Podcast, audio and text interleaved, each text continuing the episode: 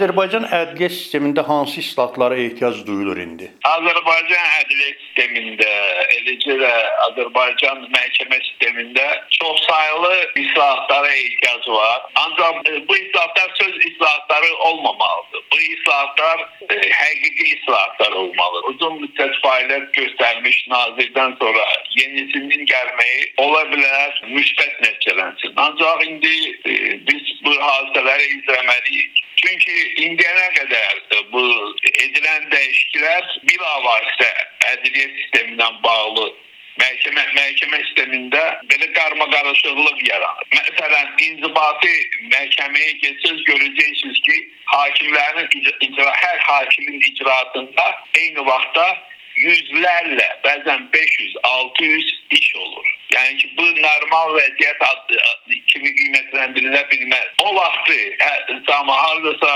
bir 10 15 il təxminən bundan qabaq belə fikir səsləndi ki, Hə, inzibati məhkəmələr yaranmalıdır. Məhz e, əd Ədliyyə Nazirliyi Nazirliyinin belə bir təşəbbüsü idi. İnzibati məhkəmələr ancaq inzibati məhkəmələrin yaranması vətəndaşların vəziyyətini yaxşılaşdırmadı ki, çətinləşdirdi. Eləcə də yəni elə inzibati məhkəmələrin öz hakimlərinin vəziyyətini yaxşılaşdırmır. Ədliyyə Nazirliyinin nəzdində bir çox, e, yəni ədliyyə sistemləri fəaliyyət göstərir. Penitensiar xidmət, notarius sistemi, qeydiyyat məsələləri, bax bu sahələrdə hansı islahatları gözləmək olar? Notariatla bağlı mən onu deməliyəm ki, e, notariusların fəaliyyətləri həddən artıq mərkəzləşdirilir və onlar hətta bilavasitə qanunvericilikdə əksini tapmış hərəkətləri etməkdən də bəzən çəkinirlər ki, bəs e, yuxarıda e, baş idarədə buna necə qiymət verərlər? Bundan başqa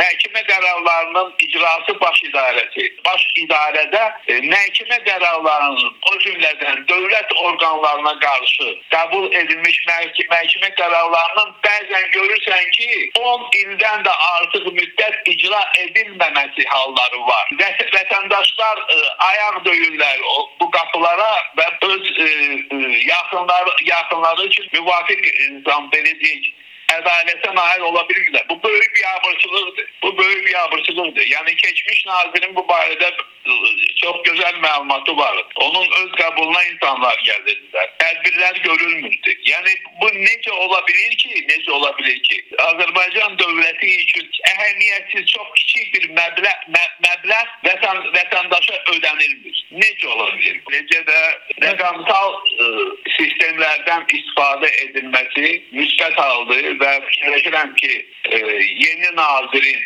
yəni ki, bilavasitə ə, rəqəmsal sistemlərlə məşğul olan nazirliyin rəhbərliyindən gəlməsi yəqin ki, bu ə, sahədə də müsbət ə, hansısa hallara gətirib çıxara bilər. Ancaq yenə də deyirəm, mən ə, bu yeni nazirin fəaliyyətinə bələd deyiləm. Ümidlər həmişə var, müsbət ümidlər həmişə var. İndi ə, onun ə, Avropanın yetərincə tanınmış ə, ali təhsil müəssisələrini oxuması, onun ə, hüquq üzrə fəlsəfə doktor adına yiyələnməsi məhz bunun hesabına müsbət hal kimi qiymətləndirilə bilər. Penitensiar xidmətdə hansı dəyişikliklər olmalıdır? Penitensiar xidmətdə bilirsiniz, e, ilk növbədə e, qanunvericiliyə e, ciddi əməl olunmasına nəzarət edilməlidir. Elə olmamalı idi ki, o olmamalıdır ki, məsəl üçün bu yaxınlara qədər vəkillərdən, vəkillərdən COVID ilə bağlı test tələb olunurdu görüşməyə dair. Elə olmamalıdır ki, vəkil öz e, müvəkkili ilə görüşmək öz e, müdafiəsi altında olan şəxslə görüşmək üçün cəza çəkmə müəssisəsinə birbaşa getməmişdən qabaq penitensiar xidmətdən e, icazə alsın. Yəni qanunvericiliklə heç olmasa heç olmasa qanunvericiliyin tələblərinə e, sözün əsl mənasında əməl edilməlidir. Yəni qanunvericilikdən irəli gəlməyən məhdudiyyətlər aradan qaldırılmalıdır. Digər tərəfdən hesab edirəm ki, intensiv xidmət müəssisələrində istər cəza çəkmə müəssisələri olsun, istər istintaq təcridxanaları orada bir çox dövlətlərdə hətta hətta Rusiya Federasiyasında istifadə edilən e, web kameralardan web kameraların həmin müəssisələrin əməkdaşlarının üzərində olması, yəni onların e, cəza çəkmə müəssisələrində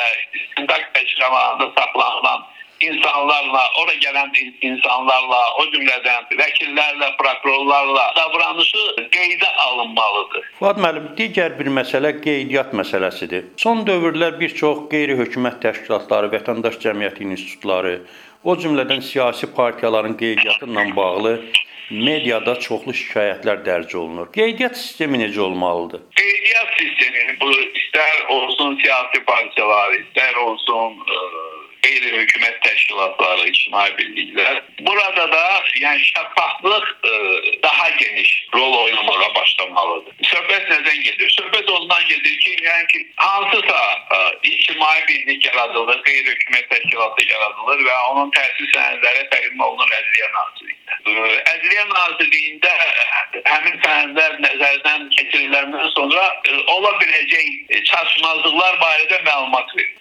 Bu zaman məlumat bütün e, belə deyək, e, mövcud çatışmazlıqlar haqqında qeyd edilməlidir ki, həmin o qeyri-hökumət təşkilatlarının təsisçiləri müvafiq düzəlişləri e, etsinlər və e, təşkilatın qeydiyyatı ləngidilməsin süni olaraq. Ancaq birinci dəfə verirlər, hansısa çatışmazlıqlar haqqında məlumat alırlar təsisçilər. İkinci dəfə verirlər, artıq yeni, yəni necə yeni də evvel, evvelki tersi senetlerinde mevcut olan ancak e, Nazirlik tarafından getirilmemiş e, çalışmazlıklar, indi bilmirəm dırna işareti arasına alım almayıp e, çıkır ortalığa vesaire ve ilaxır. Yani indi fikirleşirəm, düşünürəm, ümid ediləm bu yeni nazir e, bu cür çalışmazlıkları aradan kaldırmaya çalışar. Ve e, bir şeyi de qeyd bu sistemin gençleştirilmesi, idare etme hakimiyyəti orqan orqanlarının rəhbərliklərinin gəncləşdirilməsi prosesi bu ümumi, ümumiyyətlə götürdükdə çox müsbət haldır. Lakin bu ona getirib çıxarmamalıdır ki, təcrübəli bildiyi kadrlar kənarlaşdırılacaq və onların əvəzinə savad səviyyələri çox ciddi şübhə doğuracaq kadrlar gətiriləcək. İndi e, hazırki yeni nazirin hariciler sambalı tersil alması, tersile, tersile malik olması e, ümit verir ki böyle, böyle hallar olmayacak yahut da az olacak.